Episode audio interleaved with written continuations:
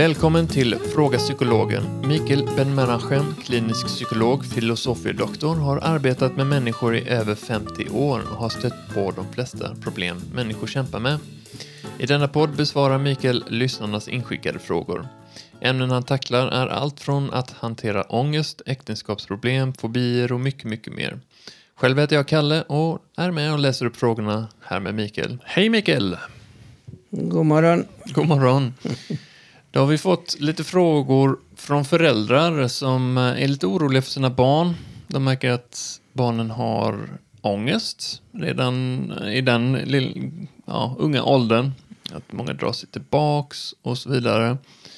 Vad har du för insikter om ångest genom åldrarna överhuvudtaget? Sådär, från barnsben och framåt. Ja. ja, det här är en mycket svår fråga, Kalle. Nästa gång kan du hitta på lite lättare. Jag lovar. Eh, man kunde, som man brukar säga, börja från början. Mm. Och eh, man vet ju inte riktigt eh, var början är. För att fostret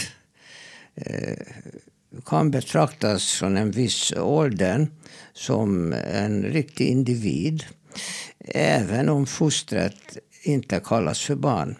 Men tack vare vår världsberömda eh, fotograf Lennart Nilsson som har lyckats eh, få in eh, en kamera och fotografera foster och där har vi lärt oss en hel del saker som vi inte hade en aning om. Nämligen att eh, fostret eh, följer en hel del av mammas eh, sinnestillstånd, eh, aktivitet, även under drömmen. De har noterat bland annat att när mamman sover och drömmer så fostret gestikulerar och visar helt andra livstecken än när eh, modern i ett annat eh. Mm. Så att eh, barnet, fostret, är inte enbart eh, kopplat eh, via navelsträngen där, där hon får all näring till kroppen, till, till modern utan också på annat sätt. På något sätt så lyckas fostret kopiera i viss mån moderns sinnestillstånd. Mm, det. Och det, det, här är ju helt fascinerande. Och, men så länge eh, fostret befinner sig i fosterstadiet. Mm. Eh, och där, där allting sker automatiskt. Det är dämpad belysning. Eh, det är eh, fin konstant temperatur. Eh, vet ingenting om när, näringstillförsel och så. Eh, andra kroppsliga funktioner. Fostret är inte riktigt medveten om det här. Men eh, i födelseögonblicket så förändras det här radikalt. Mm. De klipper av navelstrången. Det innebär att eh, det inte längre någon eh, automatisk eh, näringstillförsel sker. Eh, ljusförhållanden är helt annorlunda. Eh, ljudförhållanden är annorlunda. Temperaturförhållanden är annorlunda. Alltså det här barnet från ena eh, ögonblicket till nästa befinner sig i en helt annan värld. Och det vet vi från andra snabba förändringar i vårt liv. Att eh, man ofta reagerar med rädsla, eh, osäkerhet, Mm. oro i plötsligt eh, uppkommande situationer. Och därför har forskare under längre tid har pekat på att man får göra den här övergången från fosterstadiet till barnstadiet så mjuk som möjligt. Mm. Och under, under de sista åren eh, har forskarna blivit ännu mer medvetna om hur oerhört viktig de här första timmarna är för barnets liv. Mm. De har faktiskt avgörande betydelse. Och där, där ligger vi i Sverige eh, rätt så bra till. För att psykoprofylax och, eh, och andra åtgärder och eh, nu vunnen eh, kunskap pekar på att här i Sverige så har man verkligen gjort en hel del att göra den här övergången mjuk. Mm. Och ändå så, så är det en mycket stor förändring. För att allting ändras plötsligt. Eh, fostret har inte varit medvetet om att det behöver näring, till exempel. Mm. Att, att det kan vara hungrig eller törstig. Eller eh, det finns ju slagprodukter som måste ur kroppen. Barnet eh, får det här ny, nyfödda barnet inte riktigt medveten om det, det, det, är därför vi använder blöjor och eh, annat liknande. För att barnet inte riktigt förstår vad är det som pågår. Mm. Så in, inte riktigt medveten om att, eh, att kanske borde eh, själv signalera att, eh, att han behöver gå på toa. Vi vet, eh, praktiserande föräldrar, att det tar rätt lång tid. Ibland tar det flera år tills barnet förstår att, eh, att hon kan göra någonting åt det här. Utan eh, fortsätter som i fosterstadiet i princip i början inte riktigt förstår mm. att det här sker. Däremot det här med, med törst och hunger, det, det, förstår barnet mycket snabbt. Och det ger en ny, ny känsla och det frustrerar barnet oerhört. För att tidigare har det inte alls varit frågan om. Inte var medveten om att han får näring hela tiden kontinuerligt. Det, det visste inte fostret. Men så plötsligt så, så känns det konstigt. Att, att känner att någonting behövs. Inte riktigt vet vad.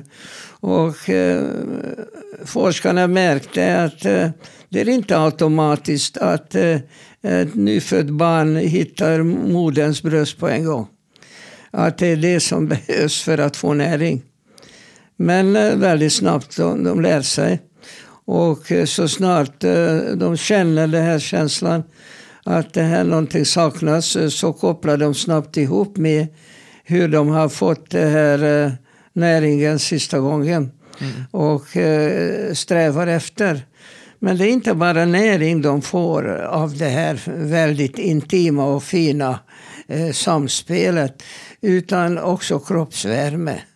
Och det här handlar inte enbart om temperatur, utan det handlar om trygghet. Mm. Och det är därför har eh, vi psykologer pekat på under längre tid hur viktigt det är att eh, barnet får eh, kroppskontakt eh, med de som är närmast. Alltså inte nödvändigtvis enbart mamman, mm. som är traditionellt kanske det vanligaste.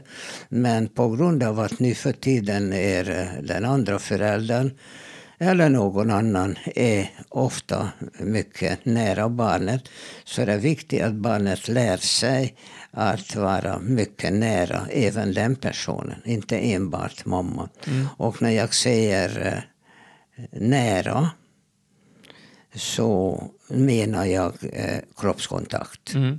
Inte bara att eh, liksom man håller barnet i famnen utan att ta av skjortan.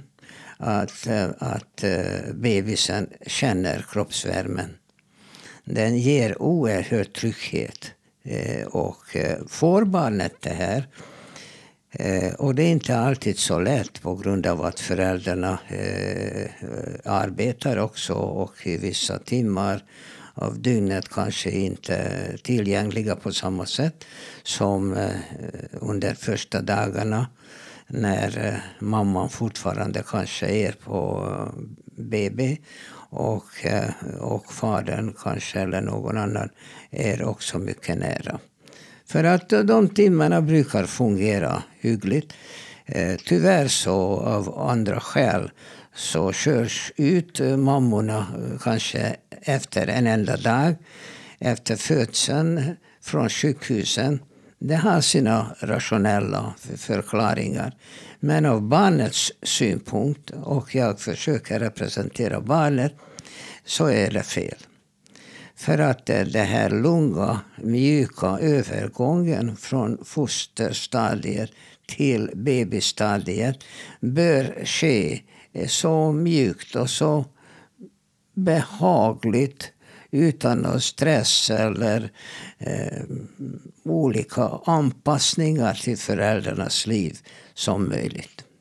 Du tar ju upp någonting intressant där, för det är, um, när man föds, eh, när vi alla föds, så är det liksom det stora, första stora traumat man upplever. Man eh, upplever den här separationen från någonting som man mm, hade, liksom, tog för givet, eller det enda man visste var att vara i den här miljön och vara i mammas mage. Och, ja. och alla upplever den här separationen och, och jag tror det är få, hur, hur behagliga födslar man än upplever så är ändå den här stora upprivan, eh, upprivande känslan nog där hos alla. Och jag tänker, vad, då undrar jag, vad ser du för koppling mellan trauma och ångest sen i livet? Har de eh, någonting med varandra att göra? Ja, jag tror att det finns en tidsaspekt på det. Mm. Eh, rent upplevelsemässigt kanske inte så stor skillnad. Men en, en, eh, en trauma eh, kan lätt kopplas till en händelse. Mm. Medan ångest kan vara mer långvarig. Det, det kan vara till och med en livsstil. Och och det är inte alltid föräldrarna märker det här, att de håller på dels att utveckla en livsstil hos barnet som kanske inte gagnar barnet egentligen. Eller så feltolkar de signaler, som är mycket vanligt. Mm. Jag ger dig ett exempel. Jag talar med en, eh, en mamma eh, som har en dotter som är ungefär 12 år gammal. Och eh, när vi eh, pratar om familjen i största allmänhet så mm, jag säger till henne, jag vill gärna se fotografier av familjen när jag pratar med en klient. För att jag är en visuell person och det är mycket lättare för mig att eh, förstå när jag ser hur de här personerna som eh, min klient pratar om ser ut. Och eh, också med den här mamman som pratar om sin dotter. Och jag säger till henne, och nu för tiden när alla har alla fotografier i, eh, i telefonen. Tidigare så fick eh, mina klienter komma med album och mm. på annat sätt med fotografier. Ibland så bad jag dem att lämna hos mig för att jag behövde tid för att eh, gå igenom hundratals foton. Mm. Nu har föräldrarna alla fotografier i telefonen. Så det är hur lätt som helst att fråga efter, att, att visa mig hur hennes närmaste anhöriga ser ut. Och det här mamman säger, jag har eh, många fotografier av min dotter. Och eh, jag säger till henne, okej okay, så visa mig några. Eh, så hon bläddrar i sin kamera och så säger hon, titta på det här. Ja, det, hon är så söt på det här. Och jag tittar på det här fotot. Och fotot visar en sorts allé, alltså stora träd. Som, alltså trädkronorna böjer sig mot varandra mm. och bildar en sorts levande tunnel mm. kan man säga. Och mitt i det här eh, så sitter den här tolvåriga dottern eh, hopkrypen. Hon håller eh, sina knän med eh, armarna och böjer huvudet nedåt. Och då tycker mamman att hon är kolossalt söt i den här ställningen. Mm, okay. Jag vill inte psykologisera för mycket. Men för mig, det här barnet i den här eh, kroppsställningen Och situationen visar en väldigt tydlig önskan till fosterstadiet. Och jag är inte psykoanalytiker. Utan eh, det är så tydligt att det här barnet försöker vara så litet som möjligt. Hon försöker vara ett litet, litet barn. Om vi inte säger foster. Mm. Och varför eh, folk ofta försöker fly symboliskt eller eh, mera handgripligt till fosterstadiet, det måste ha sina rötter. Och vår uppgift som psykologer är att lista ut var de här rötterna finns. Mm. Ofta Eh, när det gäller alldeles för små barn, då har vi lite lättare. Och eh, det här oron och rädslan eh, hos barnet bottnar nästan alltid i brist på föräldrarnas närvaro. Det är väldigt tydligt. Mm. Och eh, det är klart att eh, barn växer upp eh, i mycket svåra förhållanden och de blir vuxna. Och man tänker att bara i vårt bekväma samhälle så har föräldrarna sådana lagliga möjligheter att vara eh, så nära eh, det nyfödda barnet. Det har inte alltid varit så. Eh, det kunde inte föräldrar tillåta sig ekonomiskt och på annat sätt. Och barn ändå växte upp så, så var de ångestladdade. Hade de en separationsångest eller, eller hur var det tidigare? Ja, det vet vi inte mm. naturligtvis. Det kunde yttra sig på många olika sätt. Kanske det här barnet när det växer upp och börjar skriva eh, dikter eller, eller romaner. Att eh, det här ångesten dyker upp i litteraturen eller eh, i livsföringen eh, i olika varianter. Det är ju inte alltid lätt att spåra och det är klart att det som psykoanalytiker ofta gör, att de försöker eh, rulla upp det här och försöka se det från början och lista ut vad en människas mentala välbefinnande kan hänga ihop med det här tidiga Eh, barndomens upplevelser. Mm. Men att det, att det finns ångest redan i mycket tidig ålder och det här eh, rädslan eh, och osäkerheten bottnar i brist på nära kontakt med det närmaste. Det är väldigt tydligt, det är inget snack om det. Mm. Ja, ja, vi har ju snackat om ångest i eh, hög ålder. Det var intressant att höra lite om yngre åldrar också. Eh, uppenbarligen är det ju ett stort eh, åldersspann med den här åkomman. Ja, det, det, är ju så att från barnstadiet så eh, man växer ifrån det här lite grann där man är inte så mycket åt det ursprungliga hållet i den här balansgången. Eh, efter freudiansk teori. Och när man blir äldre, eh, kanske 16, 17, 18 års ålder. Det här floggbeteendet är fortfarande vanligt. Att det finns tongivande och det finns några som hänger med. På det sättet känner de sig trygga. Och det finns sådana som eh, är utanför. Mm. Men kanske de går inte till handgripligheter.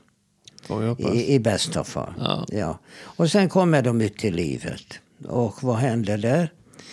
Ja, det, det är då, då har den här andra sidan blivit mera dominant.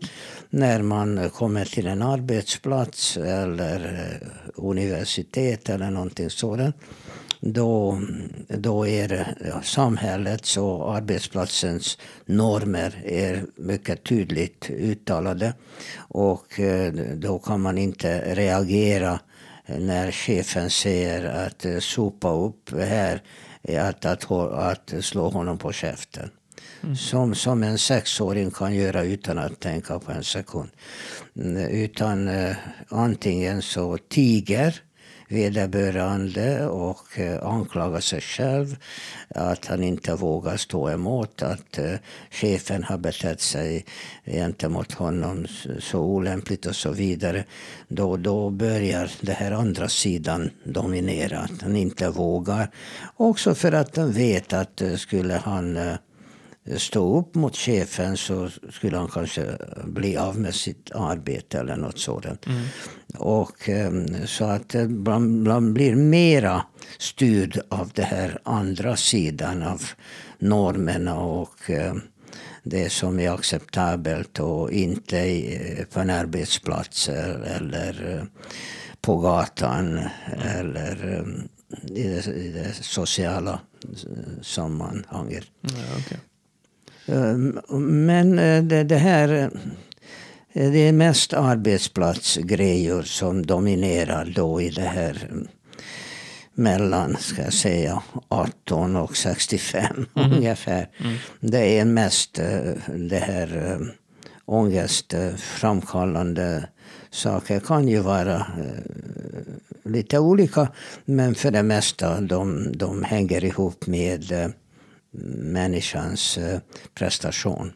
Och hur väl vederbörande finner sig i, eh, i den situation som han har hamnat i. Mm. Och vilken situation man hamnar i, det kan man styra rätt mycket själv. Och eh, intressant eh, forskning kring det här eh, om eh, fantomsmärtor. Du vet att alla amerikanska soldater som har varit med i något krig eller överhuvudtaget i, i det militära i USA mm. eh, får gratis läkarvård. Och inte bara de utan också deras familjer. Mm. Och eh, det finns ett helt system som heter Veteran Administration i, i USA. Och det, i det här VA eh, organisationen så finns ju sjukhus i varje amerikansk stad mm. i princip. Mm. Så att man kan, sö kan söka läkarhjälp där man får i dessa VE-sjukhus eh, helt gratis. Och eh, naturligtvis så har de en mer eller mindre homogen grupp att eh, arbeta med. Och eh, forskarna eh, tittade lite, på olika saker. På vilket sätt olika eh, soldatkategorier eh, beter sig.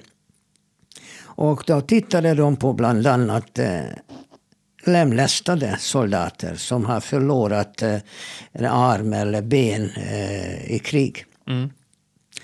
Och många klagar över eh, att de har ont i, i ett ben som inte längre finns. För att eh, nervsystemet har ett minne. Och signalerar att det gör jätteont i vänstra foten. Den som är, eh, inte längre existerar. Mm. Och det kallas för fantomsmärta. Och eh, de undersökte fantomsmärta rent sociologiskt. Eh, hur mycket smärta eh, en soldat signalerade eller berättade om som inte hade just den här kroppsdelen kvar. Och det är mycket intressanta resultat de kom fram till. De har ju dessa VE-sjukhus, de har ju en, en enorm mängd människor som de kan titta på. För att eh, en sådan sjukhus som sagt var finns i varenda stad i USA. Mm. Och det visade sig att de som hade högre utbildning, de hade mindre smärta.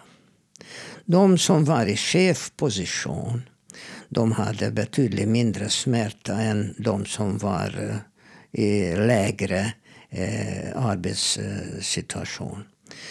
Och det innebär att eh, på vilket sätt man kan styra sitt liv beror väldigt mycket på var man har hamnat annars. Mm. För att eh, just när det gäller fantomsmärta så om du är en mer ansvarsfull situation, om du är bättre utbildad, då får du också sådana arbeten som kräver mera eh, att använda din hjärna. Och eh, så snart hjärnan är upptagen med andra uppgifter så registrerar inte smärtsignaler på samma sätt. Så hänger det här ihop. Mm. Och naturligtvis så, så kan man utnyttja den kunskapen på olika sätt. Och det, det är vad vi ser eh, när det gäller arbetslivet. Och eh, man kan ju säga att även när det gäller ångest och eh, oro så förekommer det oftast i, i, i större utsträckning hos människor som är i mindre beslutande position. Eller som har högre utbildning. Och det är intressant i och för sig, men det betyder inte så mycket. För att i ett samhälle, så hur många människor behöver vi i ledande positioner? Det är inte många. Mm. Så att egentligen så borde vi inte bry oss om det här när det gäller ångest. Eh, för att eh, eh, kanske, och jag säger inte heller att de som har högre utbildning eller hamnat bättre i samhället eh, skulle i, i regel ha mindre ångest. För att eh, det är inte sant. Det förekommer i alla variationer och i alla eh, grupper. Men jag skulle nog ändå våga påstå att de som har större möjlighet att styra sitt liv upplever i regel lite mindre ångest. För att de, de förstår det hela lite bättre och kan ta steg. Till exempel om man ser vilken social grupp som besöker psykolog mm. regelbundet så ser man skillnaden väldigt tydligt. Och därför så kanske 95-98 procent av samhället som inte är intellektuella eh, kan uppleva ångest på många olika sätt. Och det vanligaste är att det har någonting med arbetet, utbildningen, karriären att göra. Eller i samlevnaden. Mm. Eh, ofta så bottnar eh, sådana känslor i att man har misslyckats i familjelivet. Jag tänker på det där med att ha en högre position i arbetsplatser och sånt där, liksom i yrket överhuvudtaget. Att, eh, um, jag har ju upplevt att, att vara liksom i botten av, av eh, sjukvårdshierarkin och så, säga, så säga, som undersköterska och där är det ju, vi har inte så mycket valmöjligheter, vi har inte mycket så här, um, självbestämmande som, som uskor. Utan det är att ta order och göra, utföra det. Och oftast på alldeles för lite tid och för lite energi och resurser. Så ja, ja. Eh, vi har ingen, eh, vi måste bara liksom få ihop grejer. Eh, med så, saker som är redan bestämda på, på långt avstånd liksom från var vi sitter någonstans, vilken verklighet. Så jag kan förstå det där liksom att ju närmare man har en, en vardag i exempelvis ens yrkesliv där man har mer självbestämmande eh, att man mår bättre, det tror jag är liksom klockrent att det är kopplat. Inte nödvändigtvis, men chansen är lite större. Ja, ja men att ligga i, det är ju så många gånger jag har känt, och jag och mina kollegor eh, tillsammans har känt oss jättemaktlösa och det är liksom botten av, av den emotionella stegen och och, och befinna sig, och, speciellt kroniskt ja, och länge. Liksom. Men, men, men det beror väldigt mycket på en de, hel del andra saker. Eh, inte nödvändigtvis eh, är källa till eh, eh, ångest eller oro att du har en befattning som är föga stimulerande. Det är inte säkert att det är så. Jag var ju yrkesfotograf när jag kom till Sverige. Och som sådan eh, så fick jag väldigt lätt arbete. Och jag fick arbeta som eh, färgkontrollant för ett mycket stort eh, laboratorium i Spånga. Och eh, i det här Kodak-laboratoriet hade vi 400 tjejer, de flesta från Finland, som gjorde färgkort. Och och jag och en annan fotograf, en österrikiska, vi kontrollerade färgkvaliteten. Då kom alla färgkort till vårt bord. De var inte klippta än. Och såg vi ett kort som inte såg bra ut så kunde vi skriva på vilka filter vi ville ha på det. Skicka tillbaka till kopisterna. Ja, det var ju ett fantastiskt kvalificerat arbete. Mm. Och där jag satt så satt vid ett annat bord en äldre kvinna. Hon var kanske 60. Och eh, hon hade vita handskar och vit rock på sig. Och på ett löpande band så kom alla filmer, eh, framkallade filmer som hängde på det här bandet eh, till henne. Och hennes jobb bestod i att med en sax klippa ena ändan av filmen. Och så rullade bandet vidare och hon klippte nästa. Så du kanske tänker på Chaplin. Mm. Det var ett liknande arbete faktiskt som Chaplin gjorde i fabrik. Mm. Och det irriterade mig för att jag såg den här damen med saxen på hela dagarna. Och där satt hon, utom när hon hade rast, och klippte ena ändan av filmen. Och en dag så när jag var ute i rökrummet orkade inte längre och frågade henne Har du någonsin haft en önskan att klippa andra ändan av filmen? Jag mm. skojar inte, Kalle. Det är sant. Mm. Och hon tittade på mig om jag kom precis eh, direkt från månen. Och då sa hon varför. Mm. Jag sa, jag menar att eh, eh, den ena filmen kommer hängande fram till dig och du tar saxen och klipper av. Eh, och det här eh, vikten som hängde på ena änden stoppar du i en korg. Ja, sa hon, det är vad jag gör. Ja. Men har du inte haft liksom en, en, en, en känsla att kanske klippa andra änden också? Ja, men det, det gör de vid det andra bandet, sa hon. Mm. Ja, men har du inte velat klippa den andra ändan? Nej, för, varför, sa hon. Jag mår bra, jag har ett fint, rent arbete, jag får hygglig lön och jag bor i villa och vi har eh, det bra. Ja, vi har en liten hund också och vi har sommarstuga.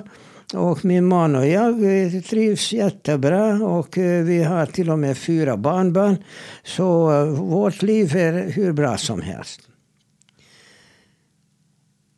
Och det betyder att, eh, att det inte är nödvändigtvis så att man blir olycklig av att ha ett monotont eller enkelt arbete. Det beror på hur, hur livskvaliteten är för vederbörande. Det kan man inte bestämma utifrån.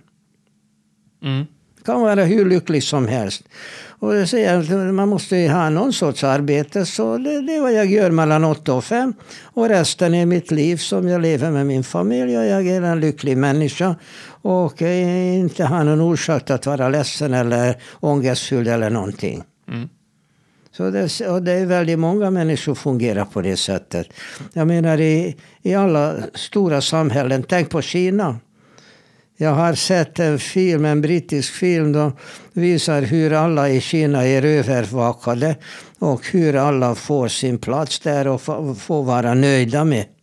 Och det handlar eh, om eh, hur många människor. Mm. handlar om eh, 1500 miljoner människor. Någonting så fruktansvärt stor sum. Mm. Så lever de. Mm. Jag menar intellektuella som, som eh, är i beslutfattande situation. Det är cirka 2-3 procent av den här människomängden. De flesta, eh, förmodligen, förmodligen, jag är inte säker på, men förmodligen finna sig i den här situationen och, och det inte gör dem ledsna eller ångestfyllda. Sen är det en helt annan variant när man börjar bli gammal. För då, naturligtvis, min fru säger att jag hade dödsångest när jag var 12 år gammal. Det, det, det, är möjligt.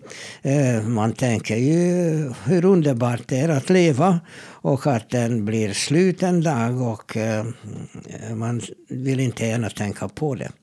Eh, men samtidigt så vet vi att, att döden hör till livet. Det här är det sista an, vad ska jag säga, an, anhalten. Mm. anhalten kanske.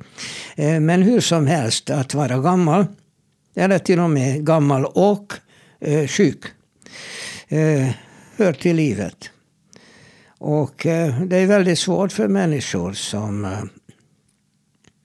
har levt ett visst liv och plötsligt på grund av sjukdom eller åldern inte längre är kapabla eh, att leva ett sådant liv. Och då jämför man hela tiden om hur det har varit tidigare. Mm. Och då, då finns ingenting som, som ligger längre fram. För att då tycker de att livet är slut. Och tänker 90 procent av tiden på hur det har varit. Det är mm. väldigt sällan en gammal människa tänker på roligt att leva och uh, spännande det blir imorgon. Mm. Det, det är inte, inte särskilt uh, vanligt. Och det är en svår tanke och det har vi redan pratat om en del. Att det dels eh, är en utomordentligt svår tanke att förstå att vi med alla våra kunskaper och erfarenheter plötsligt inte längre finns. Mm. Och så tänker man naturligtvis eh, och det är det som är obegripligt för oss. För att allt det här som jag pratar med dig om, Kalle. Mm. Det finns i min hjärna någonstans. En neurolog skulle kunna kanske peka på exakt eh, vilket område i min hjärna som håller på just nu och försöker ge psykologiska svar. Och det är väldigt svårt att tänka på att, tänk att jag som har alla de kunskaperna och erfarenheterna och berättar eh, så kunnigt om en hel del saker som kanske inte alla vet. Eh, och så nästa ögonblick så finns inte längre. Mm. Det är borta. Mm. Och eh, då kan man naturligtvis automatiskt ställa frågan vad händer med allt det här kunskap?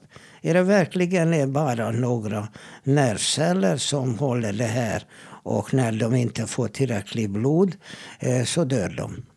Och så är det slut. Mm. Och det är det precis som händer. Eh, religionerna naturligtvis har mycket eleganta eh, svar på det här. Och eh, de stora religionerna försöker ju skilja det mentala från det kroppsliga. Och en del religioner accepterar att kroppen är inte konstruerad så Oavsett om det är konstruerat av naturen eller av Gud. Men det är i alla fall konstruerat så att det håller inte för evigt. Ja, Jag tror att den äldsta människan som är registrerad någonstans i Frankrike har blivit 122 år gammal. Som gick bort här om året. Eh, det är ovanligt. Och man vill ju naturligtvis leva hur, hur länge som möjligt och därför eh, vill man gärna titta på eller lyssna eller läsa om all, alla möjliga råd vad man ska äta och hur man ska eh, motionera. Alltså att man ska kunna leva hur långt som helst. Men ändå, det slutar någon gång. Och religionerna har eh, vissa svar. De som inte har någon religion eh, anser jag har ett större problem. Nu finns sådana som tror på vad religionen säger och en del som inte riktigt tror på men låtsas att de tror på. Mm. Och vad religionerna säger, till exempel judendom och kristendom.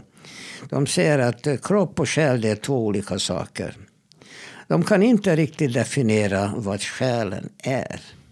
Däremot man kan definiera mycket lättare vad kroppen är.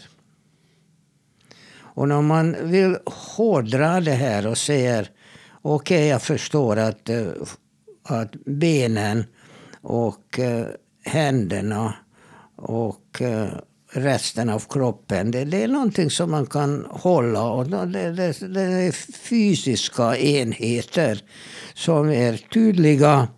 Och när de inte får blodtillförseln så fungerar de inte längre att eh, man lägger kroppen i en låda, till exempel en kista, och sänker ner jorden.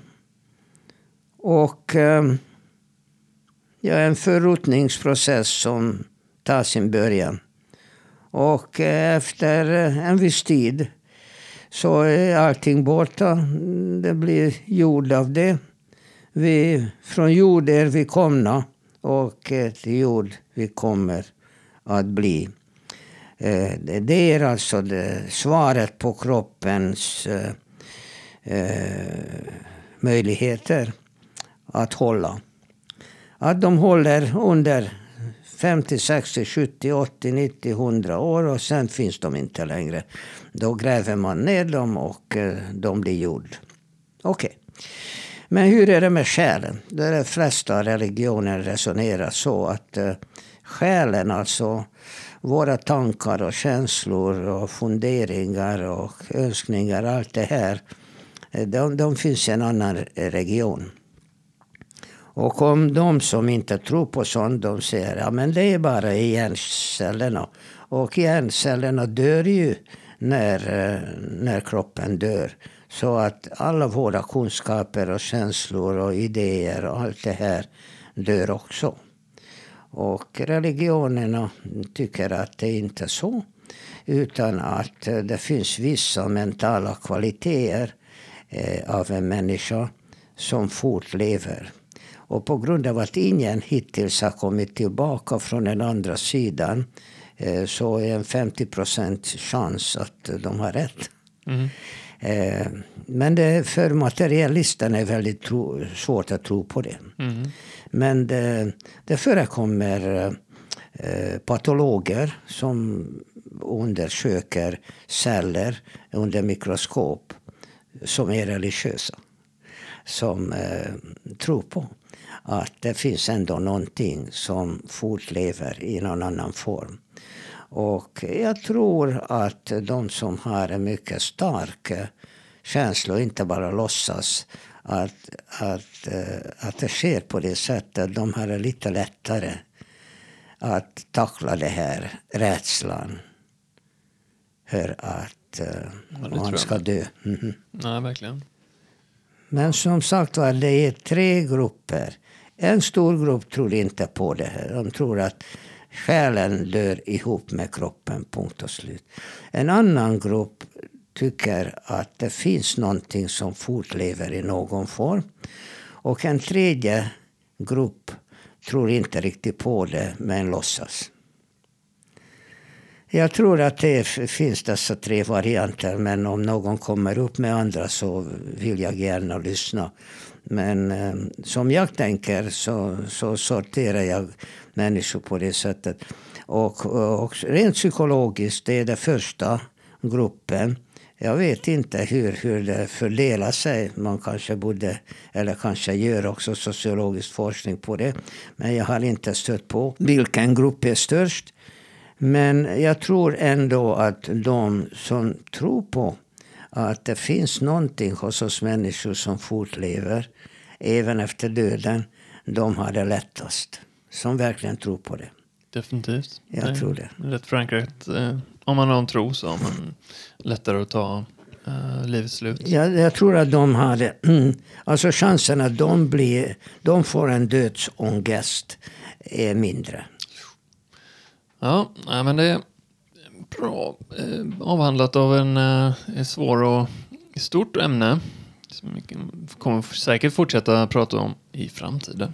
Jag väntar gärna på frågor kring det här. Mm. Och debatt. Jag vill att folk ska debattera med mig om detta. Och jag är mer än lycklig om jag får eh, diametralt motsatta åsikter. Just det.